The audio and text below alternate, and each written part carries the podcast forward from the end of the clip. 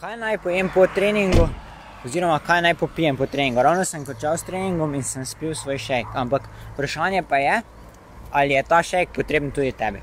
V tem videu bom šel skozi, se pravi, tri glavne teme. Prva tema je, kaj naj po treningu poje športnik, druga tema je, kaj naj po treningu poje moški, ki si želi izgubiti do 10 kg in oblikovati mišice. In tretja tema, kaj naredijo ženske, ki si želijo manj KG in tonus telesa. In sicer se pravi za športnike, tisti, ki trenirajo dvakrat na dan, je velika verjetnost, da je pametno, da popijejo šek in dodajo nekaj oglikovih hidratov. Če treniraš enkrat na dan, so lahko dovolj beljakovine, ali pa sploh nič ne rabiš. Okay, to je odvisno od tega, ali si želiš pridobiti mišično maso, ali jo želiš ohraniti, ali je naprimer tvoj šport umetnostno drsanje, kjer moraš uh, v bistvu paziti na telesno težo, ali je pa to nogomet in si športnik, ki si želi pridobiti mišično maso in pač potem takem kar dodaj. Uh, se pravi, to je bilo zdaj za športnike, za moške.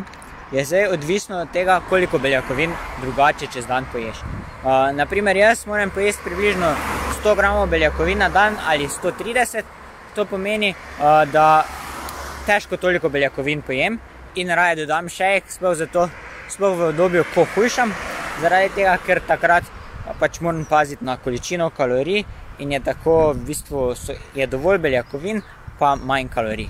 Uh, in še za ženske. Ženske po veliki verjetnosti ne potrebujejo tega šejka, sploh če trenirajo um, 3 do 5 krat na teden, če imajo kratke treninge.